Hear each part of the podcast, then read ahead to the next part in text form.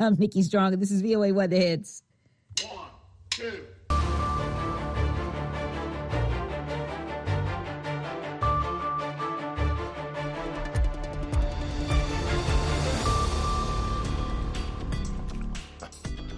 halkani waa washington laanta soomaaliga ee v o a oo aad ka dhegaysanaysaan mawjadaha gaagaaban efimada geeska africa iyo caalamka oo dhan ood nagala socotaan v o a somaly com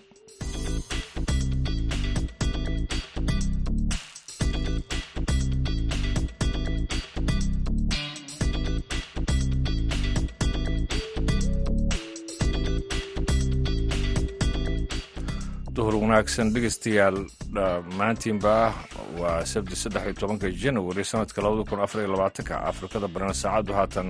Waxay tilmaamaysaa kowdii iyo barkii duhurnimo waxaan idaacadda idiin soo jeedinaya anigu ibraahim xasan daanduley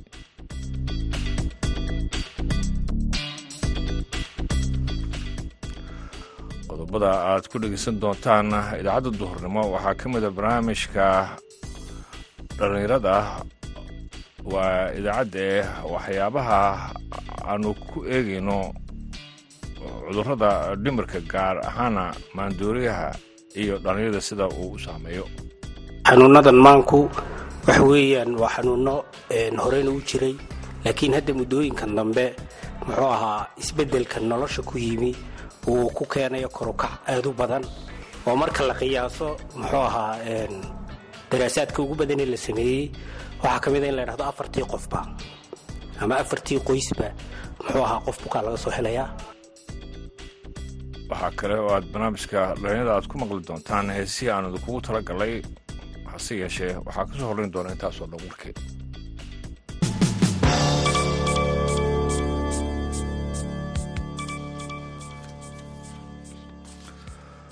xogeyaha guud ee qaramada midoobay antonio guteres ayaa sukur ula cambaareeyey weerarkii shalay ka dhacay nawaaxiga garoonka duuradaha aadan cadda ee magaalada muqdisho kaasi oo sababay dhimasho askari ka tirsanaa ciidamada uganda ee ilaalada ka ah xarunta qaramada midoobay.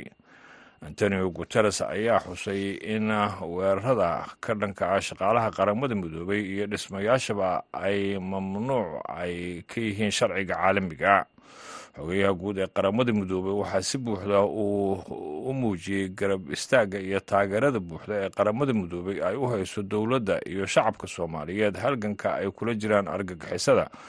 Waxaana uu dib u xaqiijinayaa sida qaramada midoobey ay uga go-an tahay in ay ku taageerto hamigooda iyo rabitaankooda ku aadan waddan xasiloon ammaan iyo barwaaqo ayaa lagu yiri bayaan uu soo saaray stephen dujarek oo ah afhayeenka xogayaha guud ee qaramada midoobay. Ciidamada badda ee maraykanka ayaa waxa ay shalayto uga digeen maraakiibta sidata calanka maraykanka inay ka fogaadaan meelaha ku xeeran yemen ee badda cas iyo gacanka cadmeed kadib markii maraykanka iyo britain ay qaadeen duqeyno badan oo ay ku bartilmaamaysanayeen fallaagada xuutiyiinta digniinta ogeysiiska ah oo loo diray maraakiibta ayaa waxa ay timid iyadoo xuutiyiinta yemen ay wacad ku mareen in ay si adag ay uga aargudan doonaan weerarada maraykanka uu hogaaminayo taasoo sare u qaaday markaasi iska hor imaad ballaaran oo laga yaabo in uu ka dhaco gobolka dhegeystayaal warkeena. Waa naga intaas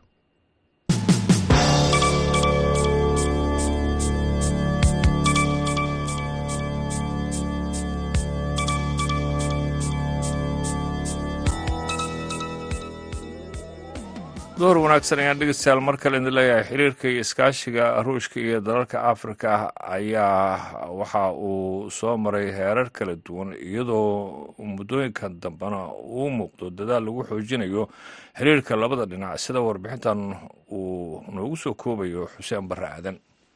Xidhiidhka qaaradda afrika iyo ruushka ayaa ahaa mid soo maray marxalado kala duwan oo hadba la jaan qaadayay isbedelada siyaasadeed ee caalamka sida uu sharaxayo doctor xasan albasri oo ka faallooda arrimaha siyaasadda caalamka kana tirsan jaamacadda alxqaaf ee dalka yemen. Taariikhda xiriirka ruushka iyo afrika. Xilligii madaxweyne iyo shantii xilligaas waxaad moodaa in la gacan bidixeeyey africa oo ruushku markaa uu ka sii jeeday.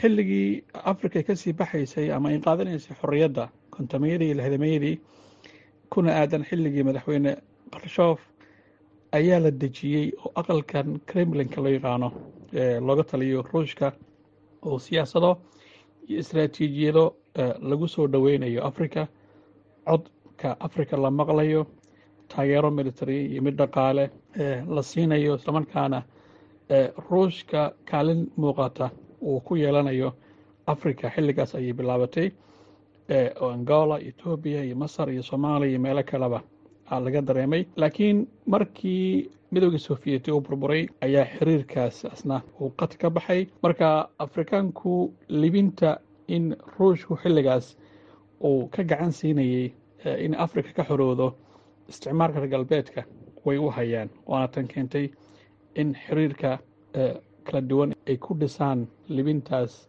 hadalkii iyo dhaqankii dhaxalkii sofiyeeti ee markaa africa laga dareemayay xilliga hore.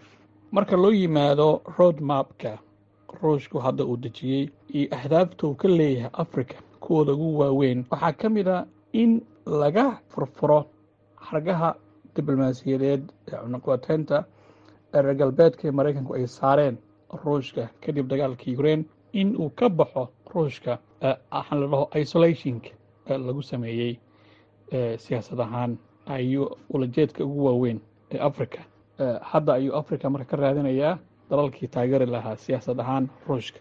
Laakiin qorshaha fog ee ruushka ayaa ah in uu qaaradda afrika ka helo saldhigyo iyo ilo dhaqaale si uu uga baxo go'doominta la soo daristay intii ka dambeysay dagaalkii uu ruushku ku qaaday ukrain sida uu sharaxayo jaamac faarax xasan oo ah aqoon-yahan ka faallooda arrimaha siyaasadda kuna sugan dalka jabuuti. Ruushku wuxuu ka leeyahay dan wuxuu ka leeyahay in ay u noqoto xudun uu ka qaado hadday noqoto duulimaad hadday noqoto istaraatiijiyado kale oo military hadday noqoto goobo ugu dhow oo macdanta laga falo ruushku waxa weeyaan africa xoog buu ku sii ballaadhay. Maalin maalinta ka dambeysa waxa weeyaan in uu hantiyo kolba wadan sanadka labada kun iyo saddex iyo labaatankana ruushku guli ugu waaweyna ayuu africa ka gaadhay.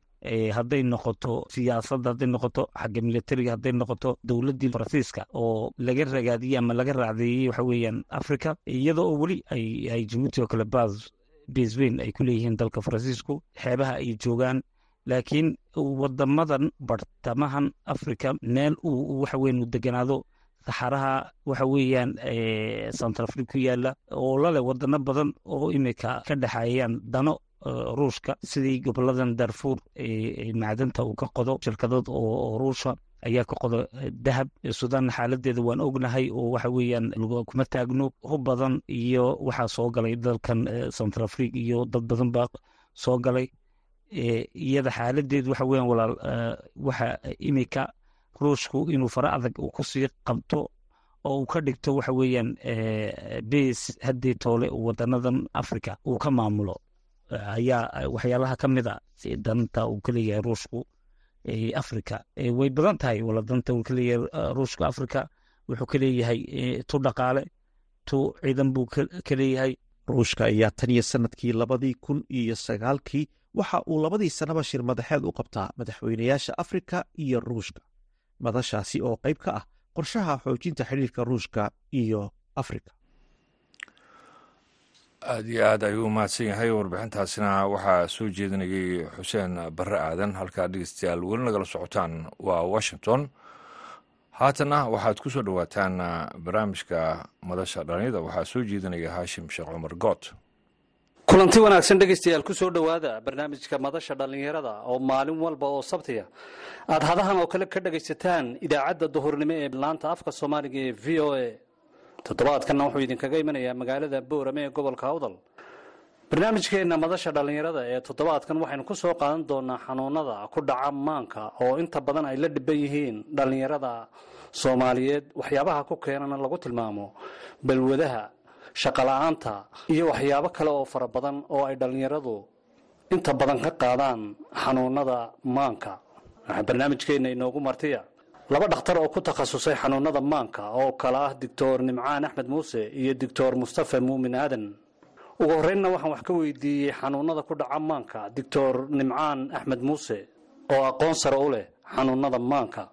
Horta kolley xanuunadan maanku waxa weeyaan waa xanuuno horeyna u jiray laakiin hadda muddooyinkan dambe muxuu ahaa isbeddelka nolosha ku yimi uu ku keenayo korukac aad u badan oo marka la qiyaaso muxuu ahaa daraasaadka ugu badanee la sameeyey waxaa ka mid a in la ydhahdo afartii qofba ama afartii qoysba muxuu ahaa qof bukaa laga soo helayaa marka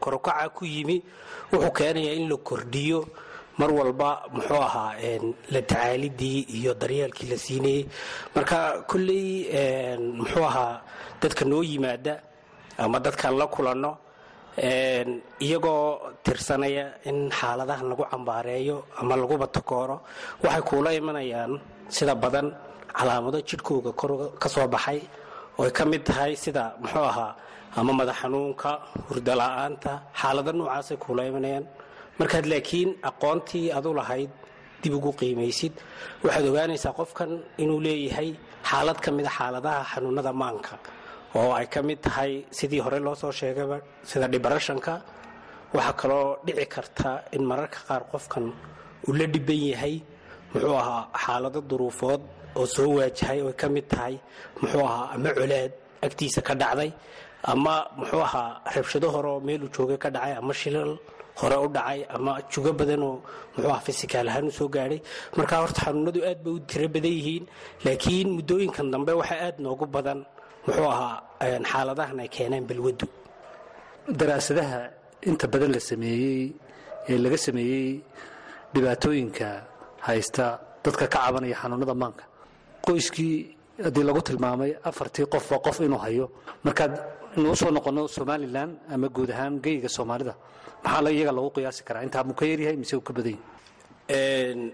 Horta kulley waxaan daraasad marka la samaynayo waxaa lagu salleeyaa muxuu ahaa bulshada iyo hagardaamada uu xanuunkani ku hayo iyo nambar ahaan bulshada inta goobaha caafimaad timaada marka kolley waxaan filayaa inay ka badanayso marka dalkeenna la eego sababtoo ah intuuna muxuu ahaa dadka ayna gaadhin adeegan caafimaadku ayaa ka tiro badan intan lagu sameeyey daraasadee uu gaadhay.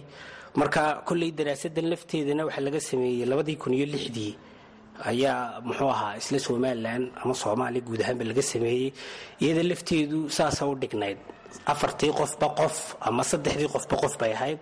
Marka kolley haddana muxuu ahaa balwadahan soo badanaya xaalado badan oo qofkii u sahlaya in muxuu ahaa xanuunkii iyo dhibaatadiisii ay soo gaadhaan ayaa nambarka kolley daraasadu xilli hore ahayd laakiin wuu sii kordhaya. Doctor mustafa muumin aadan maadaama daraasadaha ka hadlaya xanuunada maanka ay inta badan soo saaraan hay'addan caafimaadka adduunka ee la yidhaahdo w h o markaa daraasaadka ay ka samaysay dhinaceenan soomaalida. Maxaa ka mida kuwii ugu dambeeyey? Daraasaadka markaa somalilan laga sameeyey waxaa ka mida markaa in la qiimeeyey bulshadeenna intaa uu markaa uu ka leegyahay xanuunkan caafimaadka maanku. Taas oo markaa lagu tilmaamay in saddexdii qofba qof ka mid a ou markaa la dhiban yahay xaalad caafimaad oo maskaxda ah. Sidoo kale waxa ay w h o ay riboort garaysay waxa weeyaan shantii qoysba qoys ka mida in laga helayo qof qaba xanuun aad u daran oo xanuunadu way kala dardaran yihiin xanuunada maanku. Shantii qoysba qoys ka mida inuu markaa qof xanuunada aadka u daran ee maankaa uu qabo ayaa markaa sidoo kale ay de riboort gareeyeen oo waa sheegeen daraasadda ma ku sheegeen waxyaabaha sababa ama keena xanuunada in qoyskii shan qof ka kooban qof laga helo ma sababeeyeen ama sababta ma sheegeen? Runtii waxyaabaha loo aanaynaya waxaa ka mid ah shaqola'aanta dagaalada iyo dhibaatooyinkii aynu ka soo baxnay ee guud ahaan soomaalida o dhan bas ay soo martay.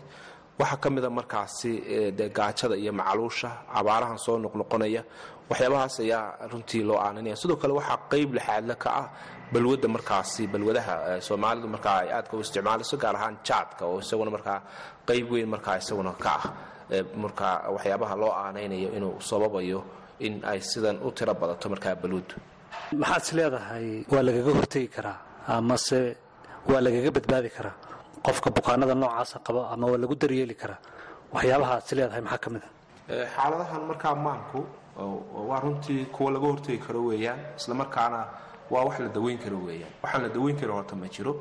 Ee, daawadeedu waxaa laga yaabaa qofka inay qaadato waqti gaaban ama marka qaarkood qofku aa u baahdo in dawada uu wato waqti badan oo muddo badan markaa dawadan ku tiirsanaado. Sida xanuunada kale ee jidhkaba macaanka iyo dhiikarka qofku muddo badan buu dawada u qaataa oo uu la noolaadaa.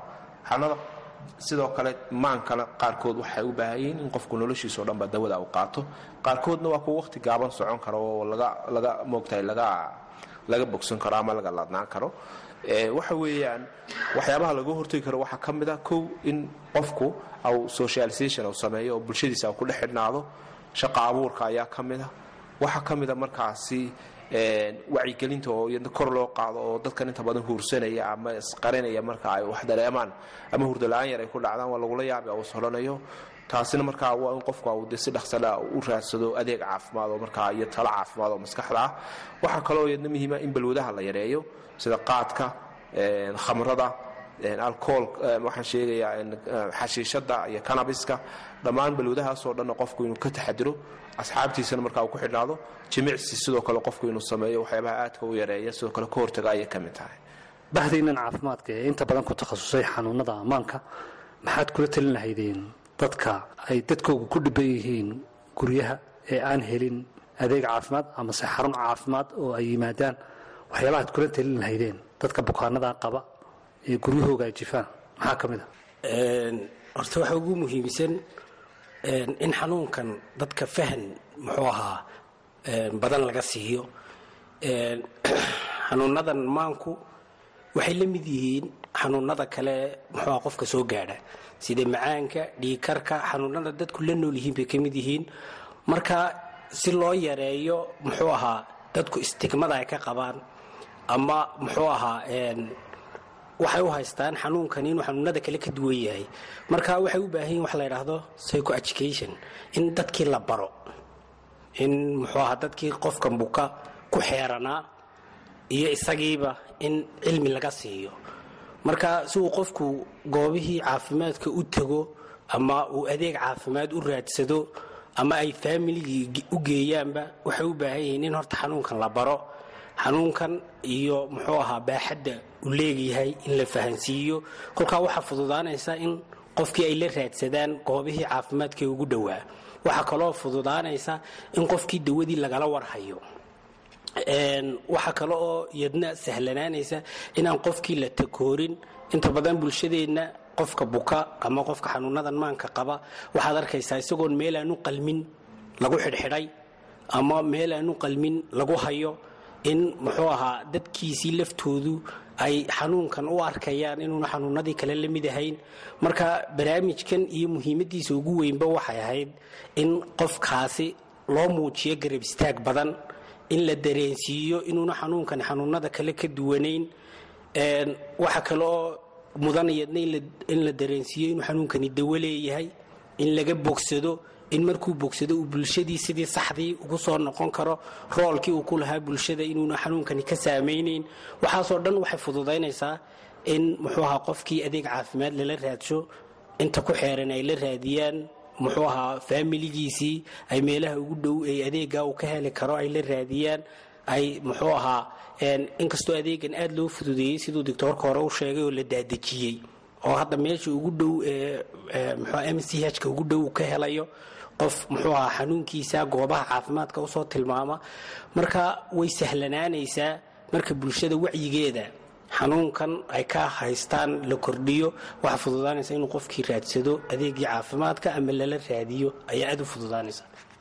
Waxaa jira dad badan oo bukaanadan qaba in la geeyo goobo aan lahayn dhakhtar ku takhasusay xanuunadan maanka maxaad markaa kula talin lahayd dadka goobaha aan caafimaadka ahayn geeya bukaanada qaba xanuunadan maanka? Horta su'aasha aad ka dhawaajisay waa dhib aada u soo noqnoqota. Marka waxaa lagu keenaya qof muxuu ahaa meel muxuu ahaa cilaaj ah ama meelo kale oo muxuu ahaa inta ama jin ama wax kaloo rooxaana ama inuu sixran yahay ama in wax loo dhigay qofkan inta loo maleeyo in muxuu ahaa lagu soo dhibaateeyo xarumo muxuu ahaa adeegii caafimaadka ee saxdii aan lahayn. Marka qofkii oo waxaa kuu imanaya muxuu ahaa xilligii wax laga qaban lahaa soo dhaafay ama qofkii oo dhibtii haysay dhib ka weyn loo soo geystay. Marka taas lafteedu waxay ka mid tahay wacyigelintan. Kolka muxuu ahaa la kordhiyo aqoontii loo lahaa xanuunkan ee muxuu ahaa bulshadii wacyi fiican laga siiyo waxa sahlanaanaysa in muxuu ahaa dadkii xanuunkan qabay ay helaan ama muxuu ahaa loo fududeeyo. Meeshii xanuunkiisan muxuu ahaa aqoonteeda lahayd in la gaadhsiiyo ama xarumihii caafimaadka la keeno.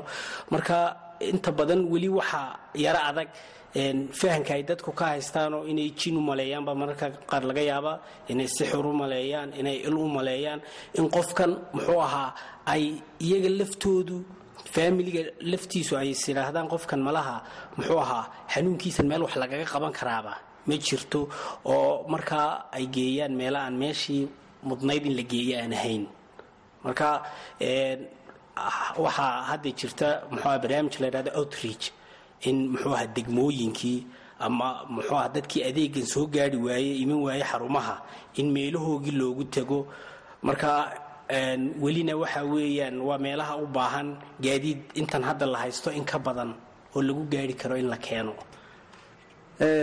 Ka dhakhaatiir ahaan dhakhaatiirtiinan ku takhasustay xanuunadan maanka. Ma leedihiin urur idin mideeya oo aad dadka kaga wacyigelisaan in xanuunadan la mid yihiin xanuunada dadka ku dhaca oo laga bogsan karo daawooyin ay leeyihiin. Horta adeegan xanuunadan maanka ilaahay khayra siiye waxa wakhti badan soo geliyey. Muxuu ahaa dhakhaatiir gobolka ka soo jeeda. Waxaa hormuud u ahaa doctor yacquub.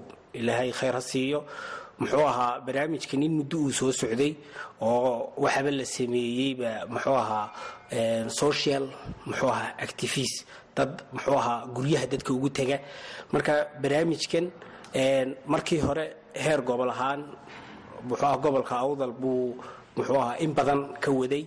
Haddana muxuu ahaa meel halkii ka sii sarraysa ayuuba muxuu ahaa barnaamijkii gaadhsiiyo heer muxuu ahaa heer wuxuu gaadhsiiyey somalilan oo dhana oo wasaaraddii caafimaadka ayaa la hoos keenay sidii uu doctor mustafa sheegay oo barnaamijkan muxuu ahaa in hanti iyo muruqba la geliyey. Marka doctoorku muxuu ahaa wuxuu sameeyey ilaa afartan labaatan qof ilaa dad badan oo muxuu ahaa uu tababaray baa jiray. Marka ururkuna muxuu ahaa hadda waa waxyaabaha u baahan in inta laga sii ballaadhiyo kulley muxuu ahaa mustafe mustaqbalka see dadkii uga wacyigelin kartaan in dadkii la daryeelo caafimaad ay heli karaan dawo ay heli karaan waxyaabaha idin qorshaysan maxaa ka bismillahi raxmaan raxiim waxa weeyaan caafimaadka maanka oo horta mudnaantiisa leh waxa weeyaan sanadka waxaa noo qorshaysan in mudnaantiisa la sii xoojiyo oo sidoo kale in la yareeyo takoorka iyo faquuqa iyadoo laga wacyigelinaya markaa bulshadeenna laguna baraarujinayo in xanuunkan maanka uu la yahay xanuunada kale ee jidhka ku dhaca cid walbana uu ku dhici karo oo cid u gaaryahay aana jirin. Waxaa loo qorshaysan in la yareeyo ama gebi ahaanba la joojiyo. Dadka lagu xidhxidhaya markaa silsiladaha guryaha markaa hoostooda lagu haysanayo. Waxaa sidoo kale noo qorshaysan insha allahu tacaala in cilaajyada iyadana wax weyn laga qabto oo dadkeennii marka qaarkood tacadiyo badan waxa ay kala kulmaan cilaajyada iyadoona halkaasi qofkii aan dawo auna ka helaynin sidoo daryeel aanu ka helaynin mararka qaarkoodna meel aada u cidhiidhiya intaasoo qof lagu wada xidho. Mar keliya marka cilaajyada iyadana in markaa wax weyn laga qabto haddii alla laga bedelo ayaa inoo qorshaysan. Waxaa inoo qorshaysan haddii alla idhaahdo in dadka markaasi guryaha lagu booqdo.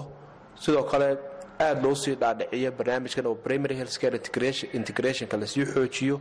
Daryeelka caafimaadka maanka ee markaa meelaha ka baxsan cusbitaalada oo qofka ugu yaraan loogu dhoweeyo goobta uu markaa ku nool yahay haddii aan la idhaahdo taas ayaa inoo qorshaysan. Waxaa sidoo kale inoo qorshaysan sidii dr nimcaano ka dhawaajiyey in kor loo qaado isku xidhnaanta bahda dhakhaatiirta iyo bahda caafimaadka.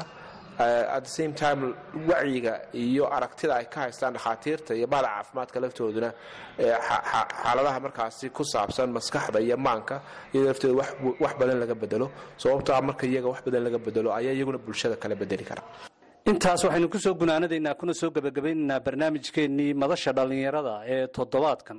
Oo aanu ku soo qaadannay xanuunada ku dhaca maanka ee inta badan ay la dhiban yihiin dhallinyaro fara badan oo soomaaliyeed. Waxaa barnaamijka inoogu marti ahaa doctor nimcaan axmed muuse iyo doctor mustafa muumin aadan oo ku takhasusay xanuunada maanka labadan dhakhtar oo degan magaalada boorama ayaa inagala qayb qaadanayay barnaamijkeenna madasha dhallinyarada ee toddobaadkan. Waxaana barnaamijka idinka soo diyaariyey magaalada boorame ee gobolka awdal anigoo ah haashim sheekh cumar good tan iyo kulantideenna dambe dhegaystayaal. Waxaan idinkaga tegayaa sidaas iyo nabadgelyo. Door wanaagsan ayaan dhegeystayaal mar kale idin leeyahay. Haatana dhankii heesaha waxaad ku soo dhowaataan heestan uu qaado ismaaciil danan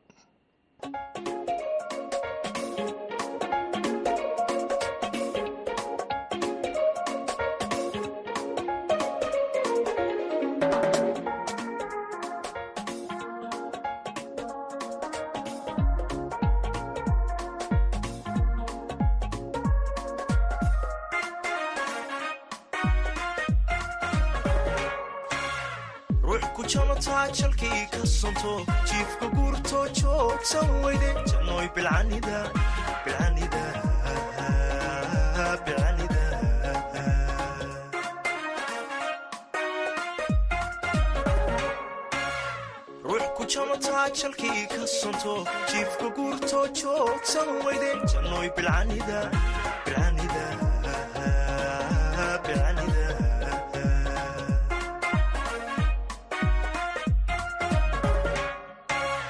wanjiboodee juuqsaliida jiidhacoodee jalaqsan samida oo jalbeeb wacanjaar la iida wanjiboodee juuqsaliida jiidhacoodee jalaqsan samida oo jalbeeb wacanjaar la iida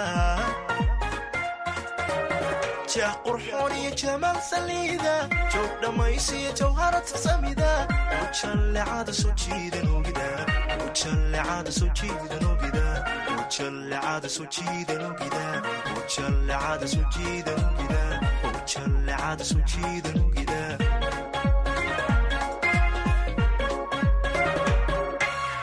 jah qurxoon iyo jamaal saliida joog dhammaysiyo jawharad sasamida.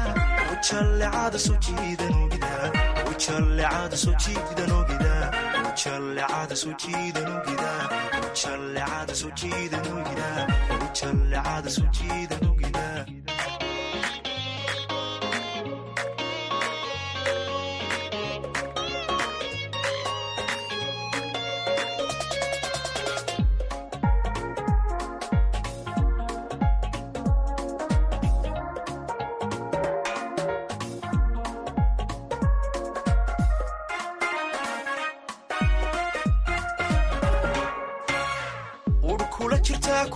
jarayno jiljilicdo kuna jeelane maad ka jeesani ka jeesani unoy baybi ka jeesani adoy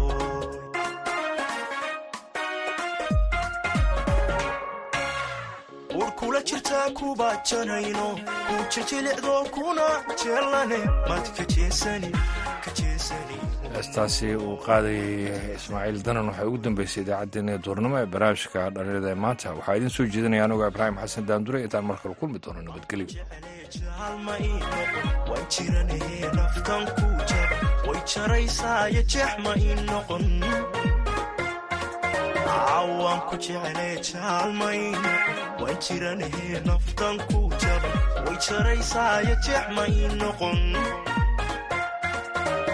jah qurxoon iyo jamaal saliida duug dhammaysiyo jawharad sasamida oo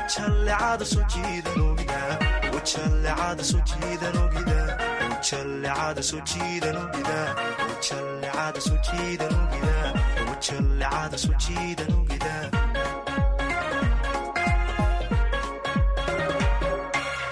jah qurxoon iyo jamaal saliida duug dhammaysiyo jawharad sasamida. Oo jallecada soo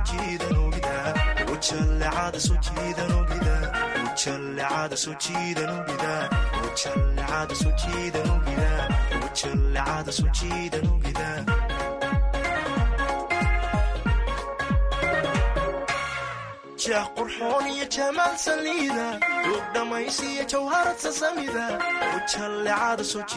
ogida ujallecada soo jiidan ogida ujallecada soo jiidan ogida ujallecada soo jiidan ogida